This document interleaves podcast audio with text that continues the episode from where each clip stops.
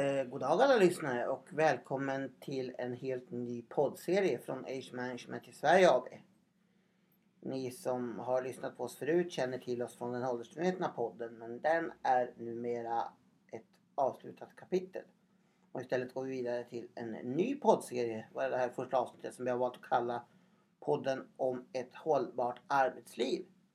Där kommer vi säkerligen också komma in på åldersvetenskapet men tanken är väl här att vi ska eh, ha, lite, ha ett lite bredare anslag och eh, fokus. Eller hur? Absolut. Säger Säger vilka då?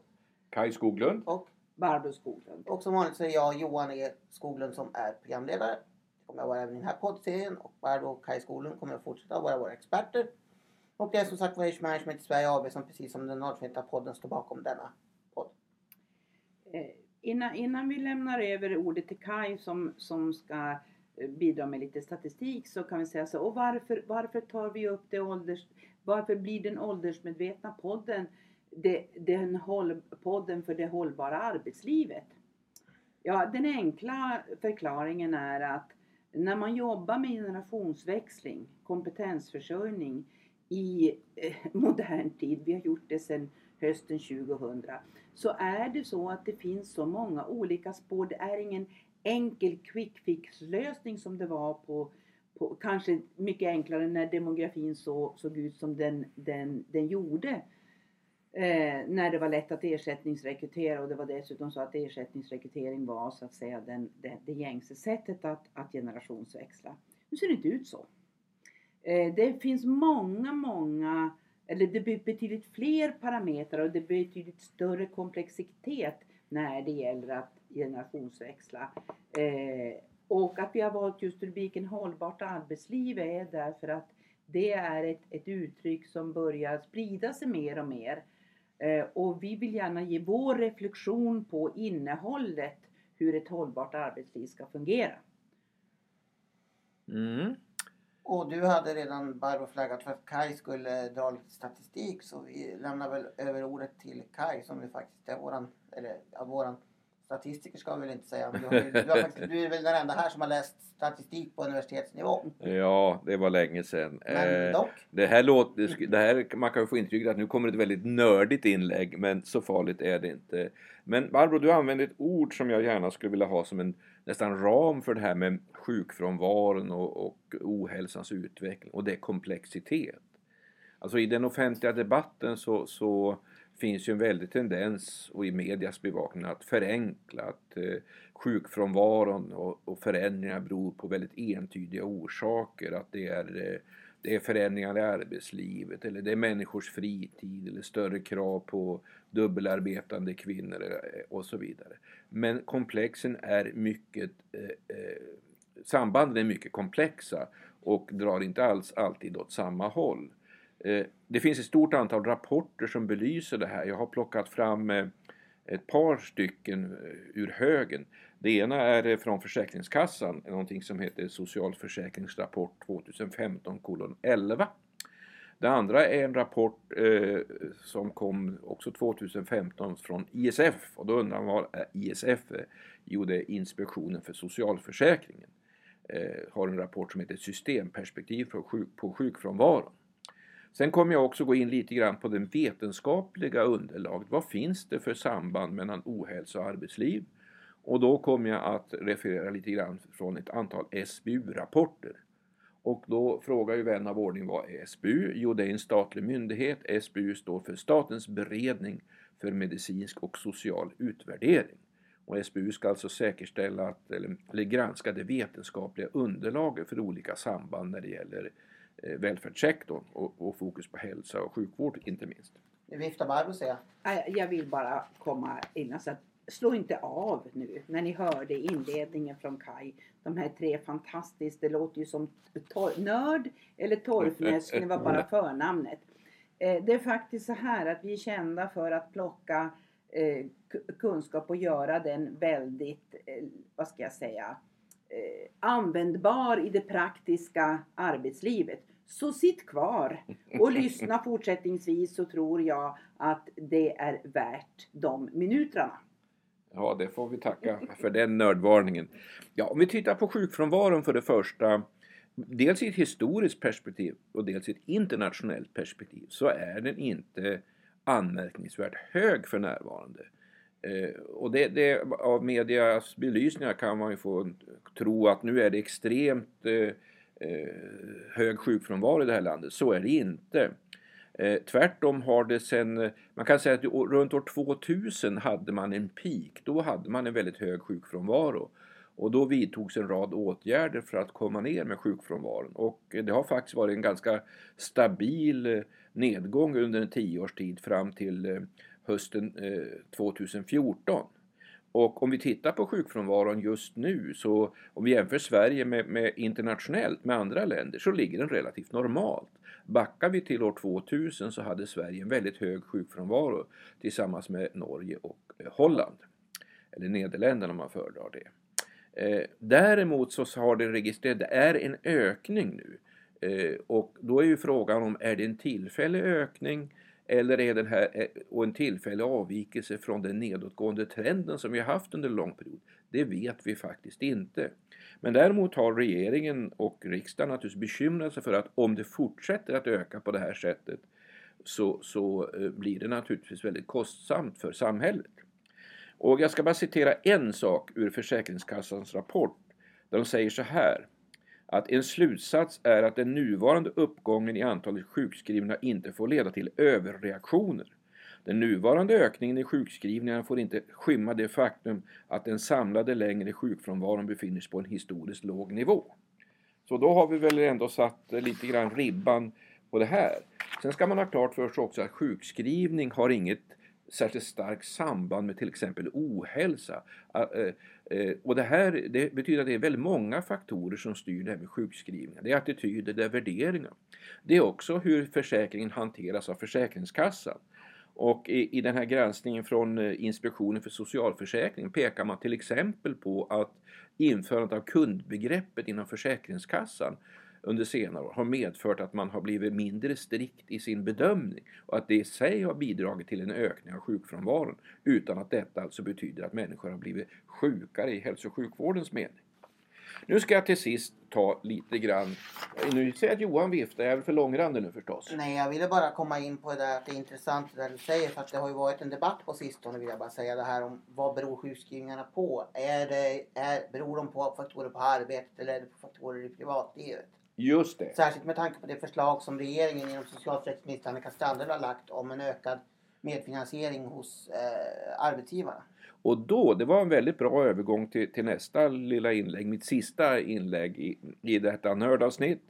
Nämligen eh, samband mellan ohälsa och arbetsliv. Och då får man gå till, de här SBU, till SBUs rapport och det finns ett antal sådana.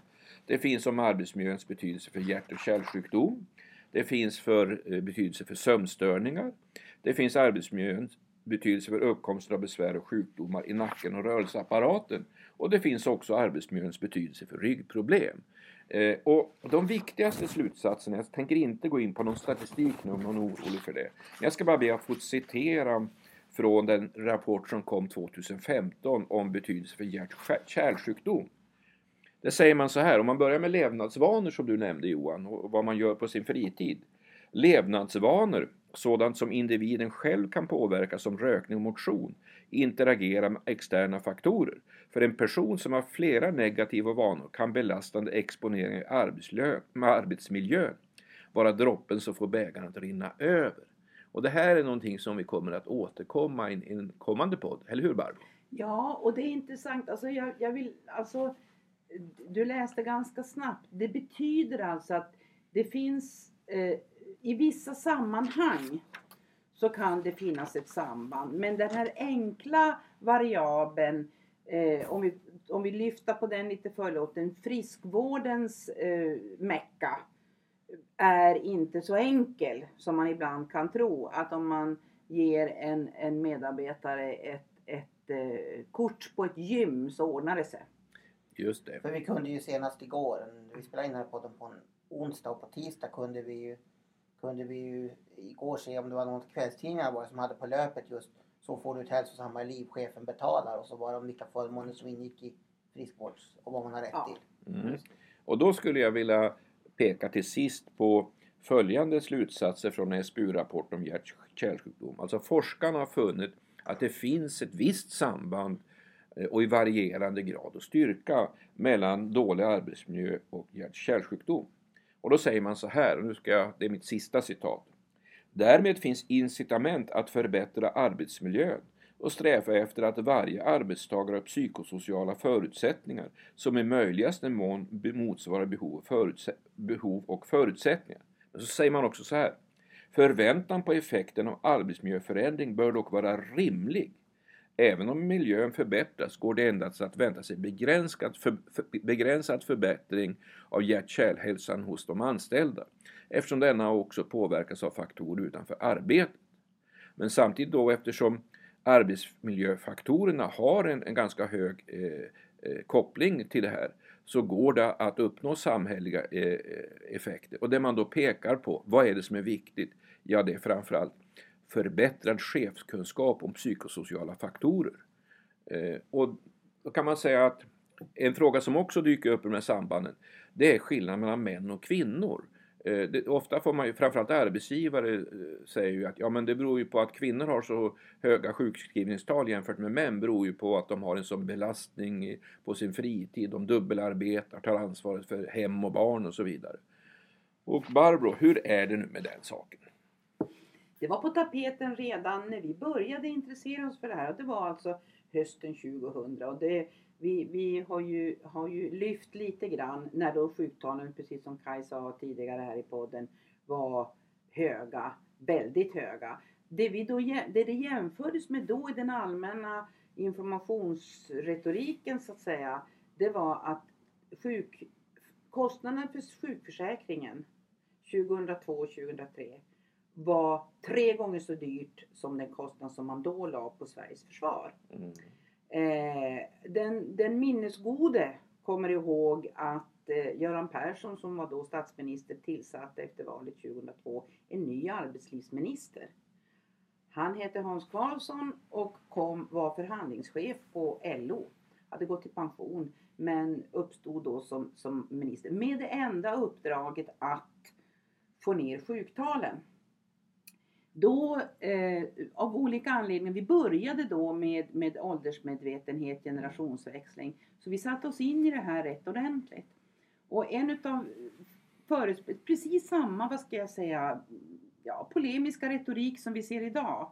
Alltså att, att det är på fritiden, det är, det är framförallt det är de kvinnodominerande yrkena inom vård och omsorg. Det är där det, det är kvinnors ohälsa det här handlar om och det, man hade ett genusperspektiv på det redan då. När man tittar djupare i statistiken så visar det sig att det var samma sjukskrivningsmönster hos män som jobbade inom hälso och sjukvårdssektorn. Och det ser man återigen nu. Det ser man igen. Och vad beror det då på? Varför syns inte det? De här ja, när man tittar på de här stora statistiska sambanden, kohorten, de här jättestora studierna, så är då det förhållandevis få män som arbetar inom hälso och sjukvårdssektorn. Eh, så att därför så syns inte mäns eh, eh, sjuktalsstatistik på, på samma tydliga sätt som kvinnor gör när man skalar upp det till den storlek som vi har på nationell nivå. Men när man bröt ner det och när man nu bryter ner det så ser man precis samma mönster. Så man ska vara lite försiktig med att dra Eh, sen att, det är, alltså att ohälsan är viktig oavsett om man är man eller kvinna. Eh, för det här handlar då igen, som, som vi går tillbaka till SBU-rapporten här när det gällde då eh, hjärt-kärlsjukdomar. Så handlar det om arbetsmiljöns, alltså chefers kompetens kring vad som är eh, arbetsmiljö, positivt arbetsmiljöbefrämjande. Man använder ordet psykosocial arbetsmiljö. Men den nya AFSen som vi kommer att komma in på här alltså författningssamlingen, så han pratar nu Arbetsmiljöverket inte om psykosocial arbetsmiljö längre utan om organisatorisk och social arbetsmiljö. Just för att få bort fokus ifrån individen till organisatoriska mm. förutsättningar inom arbetslivet. Och då är vi tillbaka i, i grunden, det vill säga det hållbara arbetslivet är innehållet i arbetslivet. Annars så om man tittar på stora grupper för det här som Barbro sa nu om att männen, det är så få inom hälso och sjukvården så att de försvinner när man gör en så här, övergripande statistik. Det ska vi komma ihåg. Men annars när det gäller kollektiven, män respektive kvinnor, så har ju kvinnor historiskt en högre sjukfrånvaro än män. Det är också så att psykisk ohälsa är nu den vanligaste orsaken till sjukskrivning bland eh, kvinnor och den näst vanliga bland män. Men där finns det en intressant utveckling som vi forskarna idag inte har något svar på. Samtidigt så, som eh, psykisk ohälsa, olika former av diagnoser för det har ökat så har eh, somatiskt betingade diagnoser minskat i motsvarande grad och då vet man inte om det har skett en glidning. Därför att det är ju så att eh, sjukskrivning är ju ofta en kombination av både somatiska och psykiska och psykosomatiska faktorer. Så därför vet vi heller inte säkert hur stor det här, hur mycket av det här beror på till exempel förändringar i arbetslivet och hur, beror, hur mycket beror på en annan attityd till vilka diagnoser man sätter. Intressant forskningsområde men det tar flera år innan jag får veta mer om det. Johan? Jag tänkte bara, alla kanske inte vet vad ordet somatisk betyder. Kanske kan jag kan förklara det. Ja, kroppsliga symptom. Det, det, man kan säga att det, det är ett exempel på det. Man bryter en arm eller ett ben, då har man en ja. somatisk sjukdom. Eller det som inte har specifikt psykiska orsaker, alltså till skillnad från, från psykiatriska diagnoser. När, vi, när man tittade på en av de fortfarande då när vi gjorde en, en, en genomgång av SBU-rapporter, det gjorde vi 2004-2005 mm, ja, i ett speciellt uppdrag. Då var det fortfarande den högsta frekvensen, det som då i, i fackspråk, low back pain, alltså mm, mm. nedre ländryggens mm, mm. sjukdomar ni vet, av, ja, ont i ryggen mm. som, mm. som var det. Den, den, rörelseorganens sjukdomar. Ja, rörelseorganens sjukdom, eller rörelseorganens sjukdomar.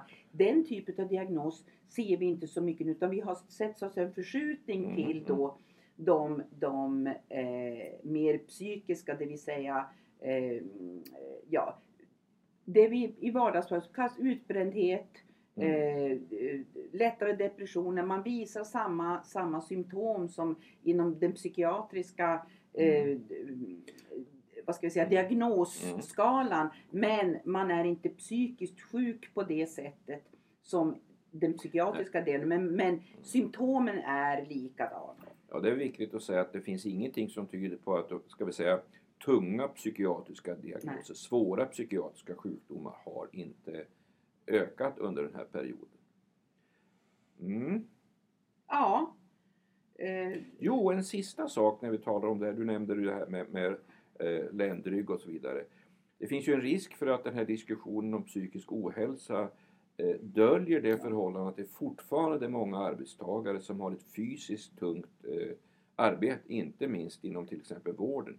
Många undersköterskor har fortfarande en arbetsbelastning rent fysiskt som ligger på samma höga belastningsnivå som en byggnadsarbetare. Till och med mer? Till och med, mer, mer, kan det vara med tunga lyft och obekväma ja. arbetsställningar och så vidare. Därför att mm. trots att man har eh, hjälpmedel inom hälso och sjukvården jo. så räcker inte det alltid till. Så det finns alltså undersökningar som visar, och det fanns även på, tidigare, där att en undersköterska lyfter mer än vad en byggnadsarbetare gör. Alltså tyngre. Mm. Eh, ja per dag eller fler tunga lyft så att säga i sammanhanget. Nu är jag nördfärdig för idag. och jag tror att vi avslutar. Vad säger Johan? Finns det några mer frågor? Nej, det finns väl inga mer frågor på det här vad jag ser. Vi har precis som jag tittar här, vi har ett litet, vad ska jag säga, vi har väl en liten lista här som vi har skrivit upp på vad vi har tänkt oss att poddarna ska handla om. Och jag läser här att vi ska prata, att eh, eh jag läser här rubriken för dagens podd står det Myter och fakta om ett hållbart arbetsliv, om sjukskrivningar, strandhäll, ohälsa och arbetsliv. Och det tycker jag faktiskt vi har tagit upp i det här avsnittet. Mm. Om jag då tittar på podd nummer två så har vi helt enkelt tänkt ställa oss frågan arbetsförmåga. Vad är det? Så den som vill veta vad arbetsförmåga är den får lyssna på nästa podd. Så nu tackar vi för den här första podden i vår nya poddserie. Vi som tackar Barbro Skoglund. Kai Skoglund. Och Johan Skoglund. Tack och hej!